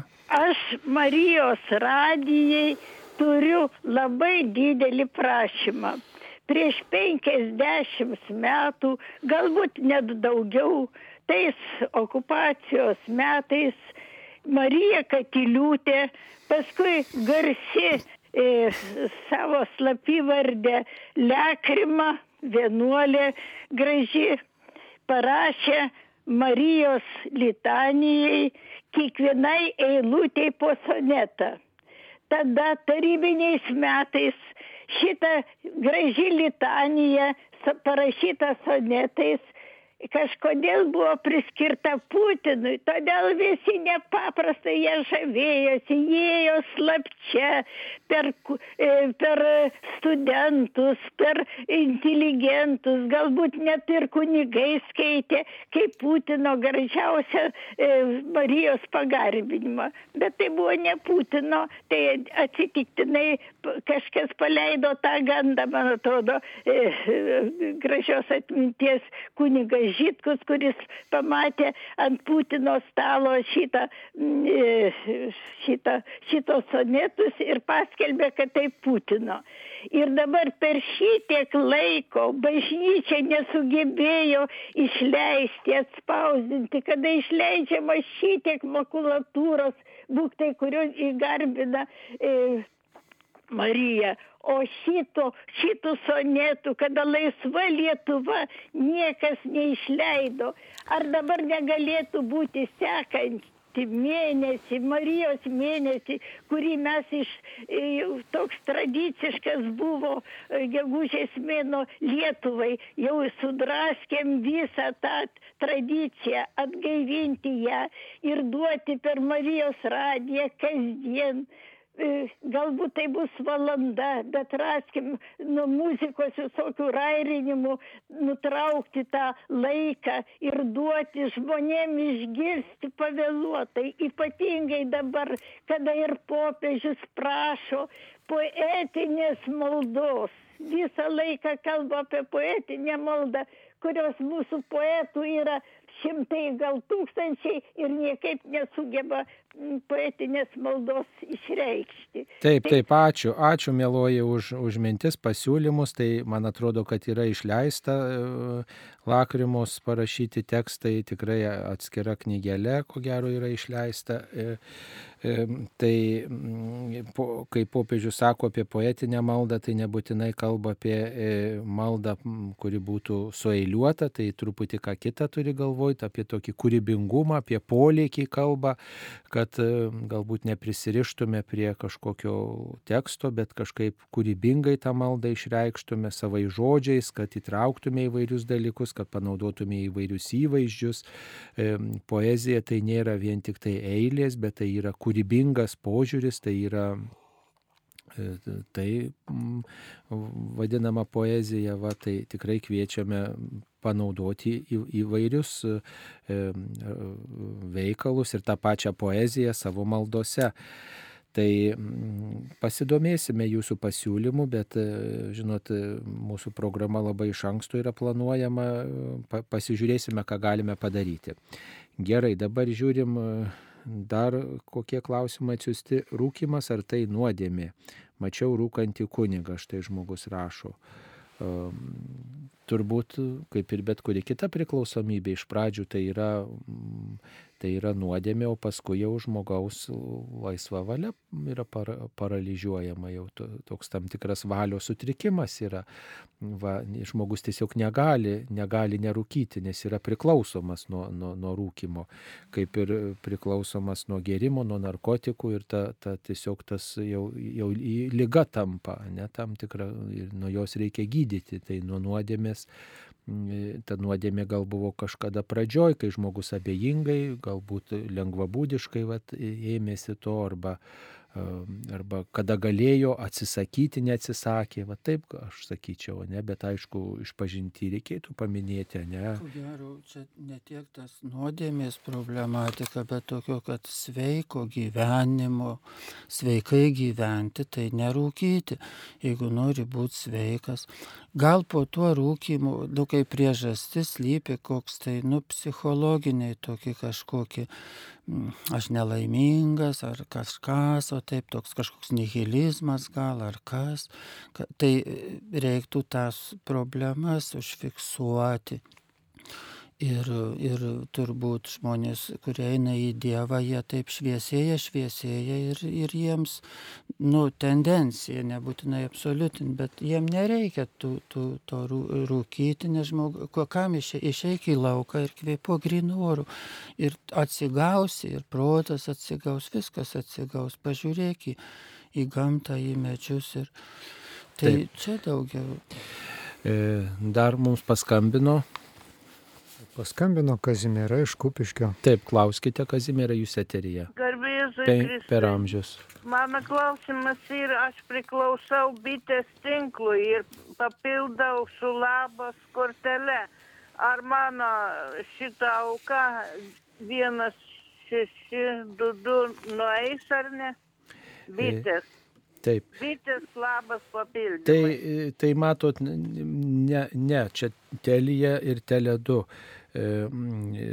abonentams, vartotojams, tinklų vartotojams. Jeigu jūsų bitė, tai jūs galite, pavyzdžiui, susitart su kaiminė, su savo drauge, parapijietė ir tiesiog paklausti ir jūs galite tiesiog auką jai skirti, o, o paskambina į naivą ir, ir tiesiog padarytumėte tokius mainus ir papasakotumėte apie Marijos radiją savo artimiesiems, kaimynams, giminėms, pažįstamams, bičiuliams, bendruomenės nariams. Tai čia tiesiog būdas, būdas tas spręsti, nes ne visi tinklai na, sutinka teikti, taip sakant, tokią paslaugą ir jungtis prie šių numerių. Taip, dar viena žinutė. Išvarimas iš rojaus tai konkreti vieta ar konkretus laikas ar tik metafora. Tai toks klausimas apie pradžios įvykį. Tai mes Negalim turbūt taip pasakyti, kad tai metafora yra, bet taip pažodžiui suprasti irgi tas yra pavoj, nu, keblu, viską taip pažodžiui aiškintis, kad vat, valgė, ėmė vaisių valgė ir dabar nevalgykim vaisių, nes tai nuodėmė būtų. E, tai turbūt reikėtų sakyti taip, tai buvo konkrečios aplinkybės, kada žmonės nepakluso Dievui. Tai tą reiškia, ne? Ir, ir, ir tai yra konkretus konkretus yra mm, gestas ir, ir, ir konkre, konkretus laikas buvęs istorijai, bet daugiau mums svarbu, kokią tai reikšmę turi, kad nepakluso ir kad tas nepaklusnumas taip pat ir mus visus lydi. Turi pasiekmes. Iš viso apie mitus čia galima sakyti. Mitai atrodo, reiškia, nu, pasakos suaugusiems, galima juos pavadinti, bet taip kaip pasakos vaikams yra e, nepaprastai būtinos jų edukologijai. Kad vaikas taptų žmogumi, jam reikia girdėti pasakas vaikystėje. Ir tai pedagogai jau pa, pagrindę yra tą nuomonę, kad pasakos ugdo vaiką. O mitai ugdo suaugusį žmogų. Ir tai yra daug svarbiau, reiškia, jeigu ta žinia būtų tokia tiesiog nuogas faktas, gyveno Domas, gyveno Jėva ir štai obelis augo ir faktas toksai. Tai jisai labai būtų menka verti tą istoriją. Bet kadangi tai yra mitas, pasakojimas, di, nu, didaktinis pasakojimas, jis apeliuoja į mūsų reiškia, ugdomus žmonės, apeliuoja į mūsų visokius pasirinkimus, apsisprendimus, į mūsų supratimą duoda tam tikrą. Ir, ir mitai iš tikrųjų pasako nepaprastai svarbes tiesas mūsų gyvenimui ir, ir mus, va, taip, mus, mus veda. Taip. Taip. Ar katalikės ir liuterono santoka liuteronų bažnyčioje priimtina katalikų bažnyčioje? Taip, ji yra priimtina, pakrikštytų žmonių santoka, ji, ji net ir liuteronų bažnyčioje, ji yra galiojanti. Taip, dar vienas klausimas, kas yra penki Dovido akmenėliai. Tai čia turima galvoj apreiškimai Medžiugorijoje, mergelė Marija kalbėjo apie penkis akmenėlius, turinčius tokią dvasinę prasme, taip kaip galėjo tą tokį stipruolį nugalėjo silpnutis piemenukas Dovydas. Jis tik tai kelis akmenėlius turėjo savo, savo maišelį ir juos paleido į galijotą ir tokiu būdu jį įveikė. Tai mintis, kalbant apie akmenėlius, kad atrodo silpnų žmonių ir tokios kitų išjuoktos priemonės, bet jos gali būti stiprybės įrankių įveikiant blogį. Tai penki akmenėliai būtų tokie švento rašto skaitimas, toliau būtų rožinio malda, išpažintis, komunija ir pasninko praktika. Tai va penki akmenėliai, kurie reikalingi įveikti blogiui.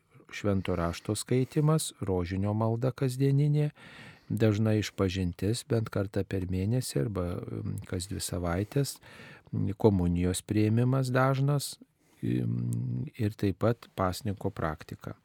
Tai toks būtų atsakymas. Dabar dar mes turime skambutį, mums paskambino. Alfredas iš Kauno. Taip, klauskite. A, dabar norėjau pasiklausyti per rožinį kalbą, nu, kad Jėzus Kristus savo šventojų kryžium atpirko pasaulį, išvadavo mus iš pirmo pradės neklusnų nuodėmės vergovės ir vis tiek, kai kalbama, kad šaukiamės Mariją iš tremtieji Jėvos vaikai. Tai ar Jėzus nepanaikina tas tremties, ar jinai tebesikėsi, kiek tai laiko? Taip, ačiū. Nutremtis tęsiasi, nes mes nesam dar rojuje, tai mes dar esame, taip sakant, čia toli nuo Dievo karalystės to pilno išsipildymo, ne? tai čia yra tas ribotumas, bet Dievas nu, panaikino mūsų tą tokį nuolatinį pasmerkimą, ne? kad mes nesam nu, tam galutiniam taške, ne viešpats parodė ne, išsigelbėjimo tokią galimybę. Va. Ir dėl to mes ir išpažįstam Jėzų, kad jis e, mus išgelbėjo ir kad jis duoda galimybę nukeliauti pas Dievą ir Dievo karalystėje dalyvauti, duoda e, konkrečius įrankius, duoda konkretų kelią. Gal kunigė dar ką pridėsit? Prieš antrąjį Kristaus ateimą du dirbs laukuose, vienas bus paimtas, kitas paliktas, dvi mals girnomis, viena bus paimta, kita palikta. Kam labiau pasiseks, paimtam ar paliktam? Juk niekas nenori mirti, ne mes vienas kitam pirmiausiai linkime sveikatos, sveikatos, sveikatos. Ačiū, klausia Valerija. Taip linkim sveikatos, bet linkėkim ir dvasinės sveikatos, kad mes visada būtume, būtume pasiruošę paimtam pasiseks turbūt labiau paimtam į Dievo karalystę, paimtam, ne visada šventam rašte tas, kuris paimtas, jis, jis į, į Dievo pusę keliauja, arčiau Dievo, tas paliktas, tai atmestas, ne, tai negalima čia tai pažodžiui turbūt vėl suprasti, ne, kad taip ir bus, ne, bet pateikiamos tokios, nu, tokia akistata, kad gali būti žmonės tarsi ir panašus, tarsi ir dirba tą patį darbą, tarsi ir, nu, ir keliauja kartu, bet vat, jų gyvenimo istorijos labai skirtingos. Vienas savo viduje yra, yra reiškia, nu, vat, teisus, jisai viešpati kreipėsi, o kitas atrodo irgi viskas taip pat, bet vat, jis toli jis toli. Taip panašiai kaip ir du atrodo meldžiasi bažnyčiai šventykloje, Jėzaus palyginime. Vienas mušasi į krūtinę, sako, pasigailėk manęs nusidėlių, nedrįsta akių pakelto, kitas sako, aš netoks baisus kaip šitas, va, aš geresnis, aš. Tai abu du meldžiasi, abu du meldžiasi, abu du toj pačioj šventoviai, bet vienas išklausytas, o kitas ne. Tai, tai mums pavyzdys, kad reikia visada būti pasiruošus ir eiti tą pasiruošimo kelią. Taip, dar viena žinutė apie Kristaus kunigo, aukščiausiojo kunigo aukos kreipinį. Iš dviejų padarė vieną. Ką čia, kas čia turima galvoj. Nu, tai visų pirma, viešpats Jėzus sutaikė, e, sutaikė tai, kas piktojo supriešinta. Yra ta, ir taip pat dieviška prigimti ir žmogiška prigimti savo asmenį sujungė. Ne? Jisai tai, ką šitonas e, bando atskirti, supriešinti žmogų su Dievu, viešpats e, sutaiko ir sujungė e, savo asmenį. Dievas nori, kad mes tikrai būdami trapų žmonės vis dėlto artėtume prie jo ir mumyse būtų daugiau Dievo. Nu ir dar vienas toksai klausimas, kaip sekėsi pas popiežių. Čia turbūt turima galvoj kad prisimenama, kad man teko lankytis Romoje ir kaip tik tai taip apvaizda lėmė, kad kartu su kitais maldininkais aplankėm popiežių ir keletą žodžių asmeniškai popiežius man skyrė. Tai e, kokia žinia buvo, na tai čia kardinolas Audrys Juozas Bačkis tiesiog paskatino popiežių pasakyti man keletą žodžių. Tai, na tai tiesiog popiežius palinkėjo, kad būčiau arti arti Dievo, arti e, viskupų, va, kad bendrystės būtų, taip pat arti kunigų ir arti Dievo tautos. Ir turbūt tas arti būti, tai ne tik man linkėjimas, bet ir visiems kunigams ir visiems žmonėms, kad mes būtume bendruomeniškesni vienas kitam, kad vienas šalia kito būtume, ne tik tai žiūrėtume į trūkumus, bet ir vienas į kitą kaip į brolį žiūrėtume. Va to Lietuvai tikrai reikia ir to linkiu ir savo, ir kiekvienam iš mūsų. Taigi, Ačiū visiems, kurie klausėties mūsų. Šioje laidoje dalyvavo kunigas Romualdas Dulskis, profesorius, habilituotas daktaras ir taip pat aš, vyskupas Saulis Bužauskas. Ačiū visiems, būkite palaiminti. Sudie. Sudie.